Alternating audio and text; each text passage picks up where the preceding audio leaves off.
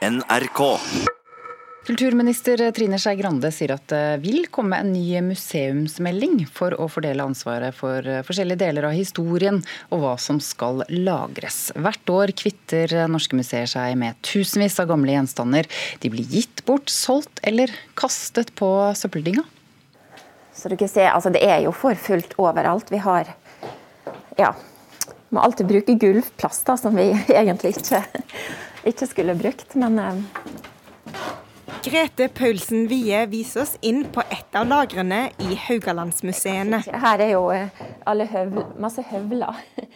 Så du kan si Det er et eksempel på en samling som vi godt kunne gått gjennom.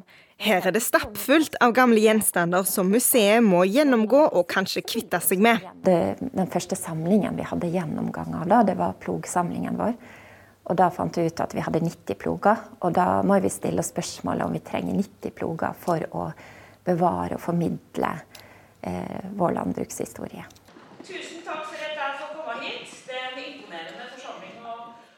Hva som skal skje med alle de gamle tingene som fyller opp norske museer, var et av temaene på det nasjonale museumsmøtet som foregår i Haugesund i disse dager. Der var kulturminister Trine Skei Grande. Ja, Nå skal vi lage en ny museumsmelding, og da håper jeg at vi også får fordelt ansvaret utover landet på hvem som har ansvar for de ulike delene av historien vår. Så vi sørger for at vi ikke tar vare på veldig mange eksemplar på det vi har en del av, og at vi sørger for at noen tar vare på de ulike delene av, av norgeshistorien. Vi kan ikke lagre alt. Eh, det er ikke sånn at alle, som, alle familier feider som ender med at man ikke blir enige om hvem som skal ha den kista der, ender med at den ender på museum, fordi at museet kan ikke ta vare på alle skipskistene vi har rundt omkring i Norge, men vi må sørge for at vi tar vare på det som skal formidles av historien vår. Her to er ødelagt, begge to. Vi vet ingenting om dem. Det er to greip. Eller breidsletjuge, som det het her på dialekt. Tidligere. Tilbake på museet er Grete Paulsen Wie forberedt på at noe må kastes. Nei, det er ikke så veldig trist. Eh, For vi som gjør det her, vi tenker at vi gjør en veldig viktig jobb. Eh, ved å gjøre det her, da, ta de gjennomgangene, så kan vi også klare å løfte frem de viktige samlingene i museene. Og det er jo i alles interesse at museer i Norge bevarer viktige samlinger og kan ha kjernesamlinger som vi bruker mest tid og ressurser på. Og som vi får da anledning til å både formidle og forske på.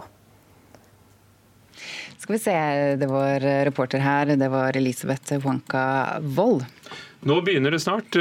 I mai er det finaler i Tel Aviv. I'll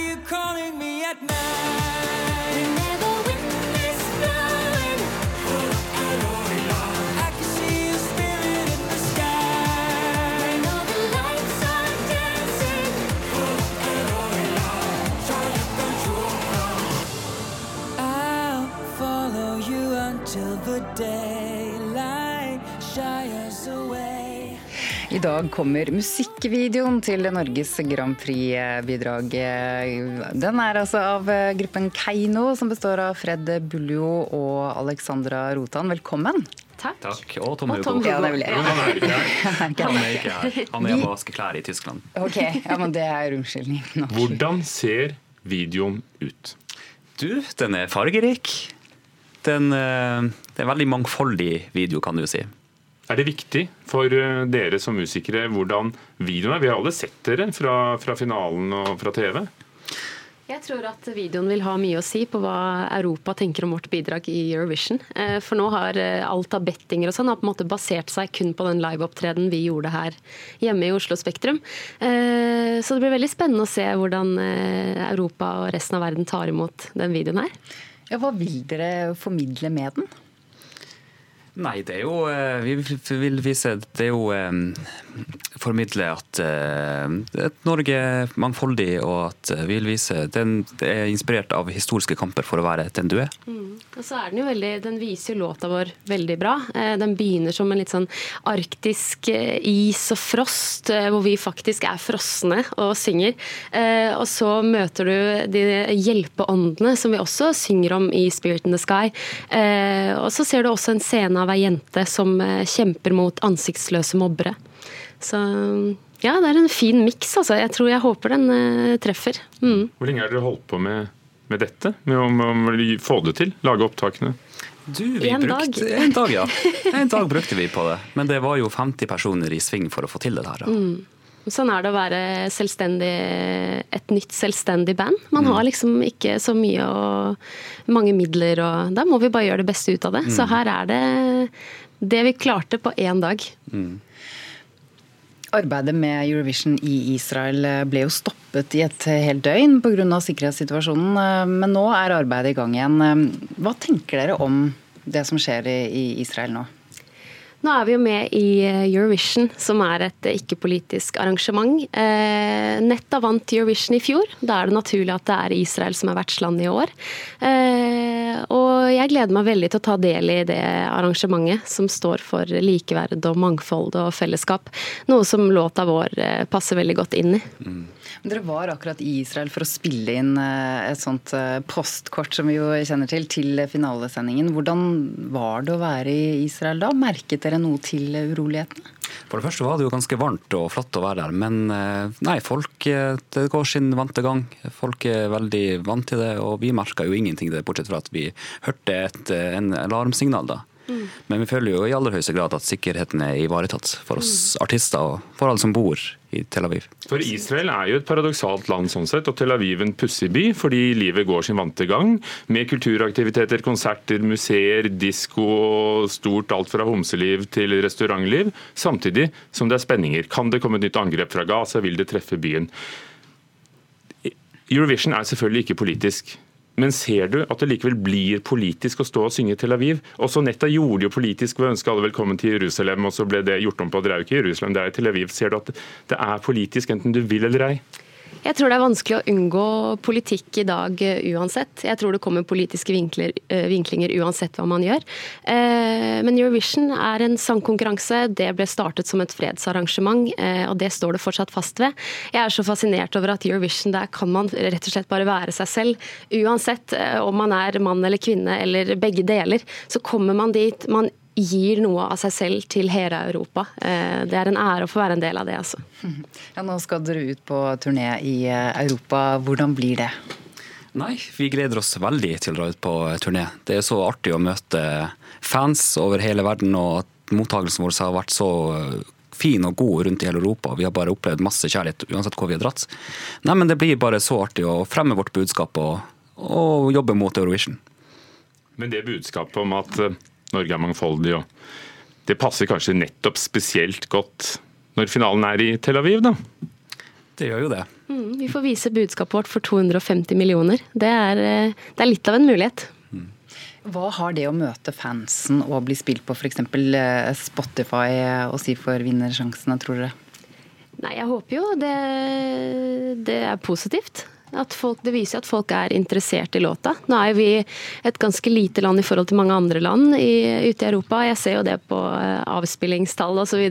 Men vi har godt over eh, 3,3 millioner allerede nå, og det må vi si oss veldig fornøyd med. I Eh, tillegg til det, alt som ligger på YouTube også. ja. Dere virker veldig rolige. Er det noen nerver her, eller? Ikke enda. Ikke enda. Jeg tror ikke det kommer nerver, jeg tror det mer kommer en sånn spenning. Men nå er det jo sånn at arenaen i Tel Aviv faktisk ikke er så Den er lyst på samme størrelse som Oslo Spektrum. Og de 250 millionene ser vi jo ikke. Så jeg håper jo det roer oss litt. Tar det med knusende ro, egentlig. Ja. Og videoen kommer i dag. Jeg, jeg skulle til å si at dere kan se den på nrk.no. Det, det går ikke an ennå, men eh, Den kommer litt senere. Klokka ni.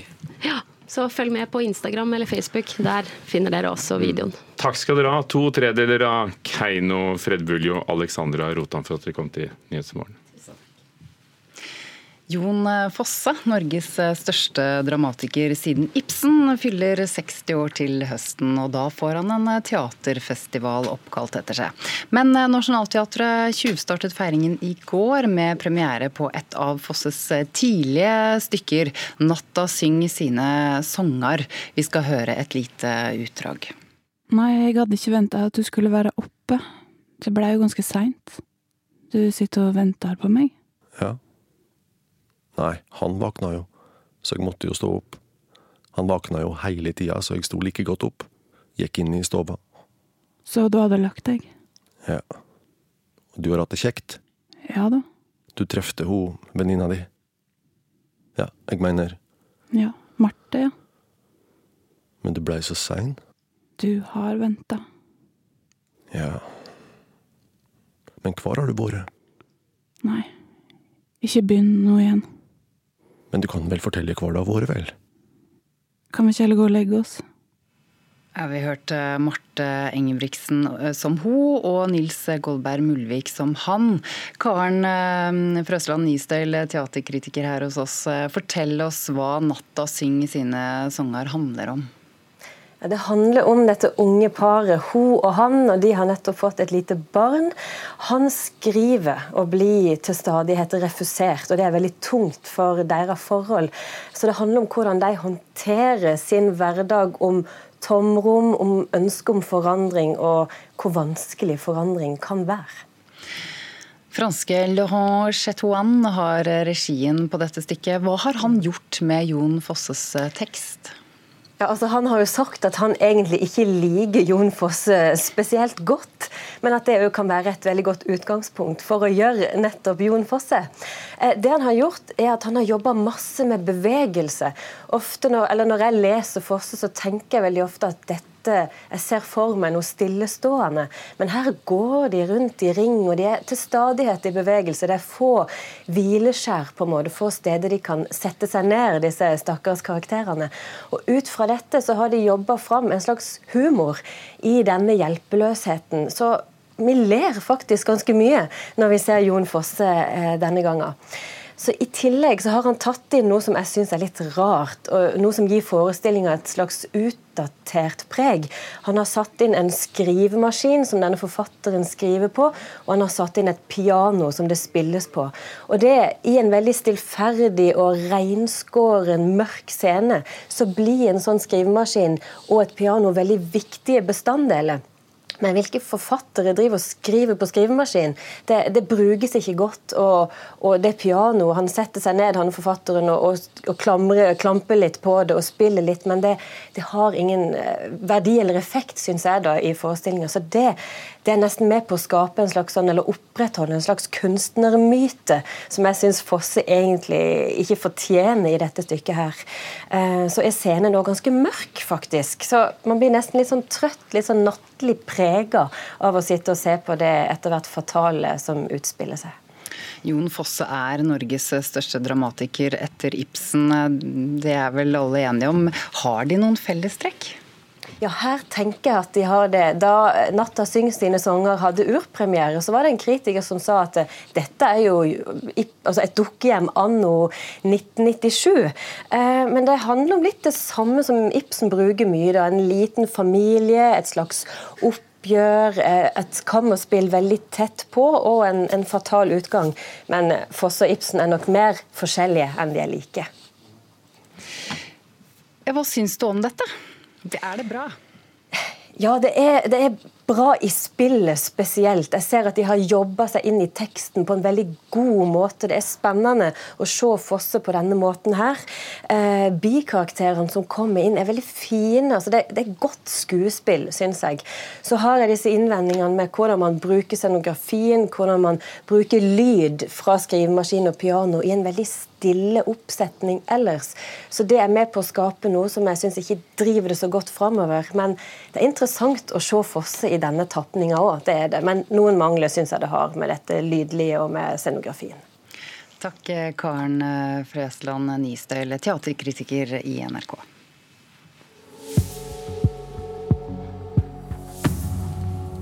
Klokken nærmer seg 8.30. Dette er Nyhetsmorgen i NRK. Hver femte innsatt i norske fengsler er dømt for seksuallovbrudd. Det viser tall fra kriminalomsorgen. Lengre straffer er en av årsakene. Åtte av ti nordmenn ligger an til å få igjen penger på skatten. Gjennomsnittlig 11 800 kroner. Ja, så kan vi ta med at eh, Noe av det siste nyhetsbildet nå er at en eh, mann i 30-årene er skutt i foten i Oslo. Dette skjedde på Grünerløkka, og politiet fikk melding om skytingen rundt eh, klokken sju. Og så skal det også handle om at britisk Underhuset vil tvinge statsministeren til å be om en ny brexit-utsettelse.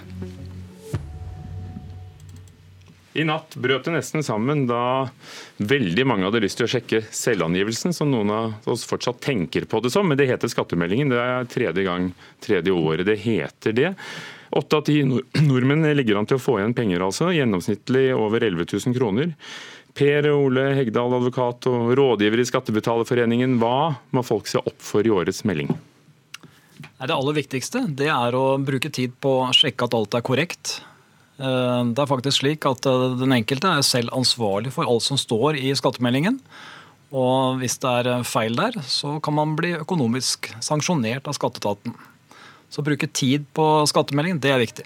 Hva synes du om de endringene som er gjort? Noen får en forsmak i år. Skattemeldingen ser annerledes ut enn den har gjort. For noen. Og så kommer dette til flere av oss etter hvert. Ja, Ca. 300 000 får en ny skattemelding i år. Og eh, den, den, lover godt i forhold til at man, den skal være temabasert, og man skal få eh, spørsmål og informasjon underveis i forhold til de enkelte postene. Men vi er jo veldig spente på hvordan eh, den blir.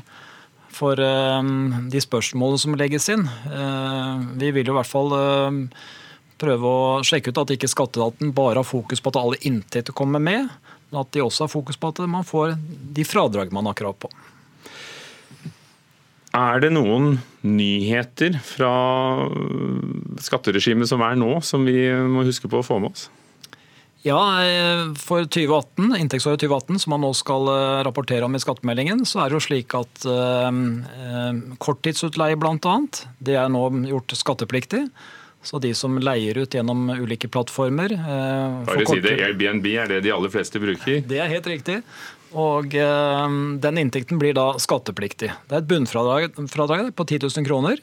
Og så blir 85 eh, av det som er over bunnfradraget, skattepliktig som alminnelig inntekt, altså skattet med 23% i 2018. Og Det gjelder om man så bare har satt opp en lapp på butikken, fordi dette gjelder korttidsutleie, uansett hvordan den formidles. Uansett hvordan det formidles, så er, er det, det lurt når så mange får igjen penger på skatten? Betyr det at, eh, at, staten sitter på en eh, stor eh, pengesekk, som er våre penger, som vi har betalt inn for mye hver måned?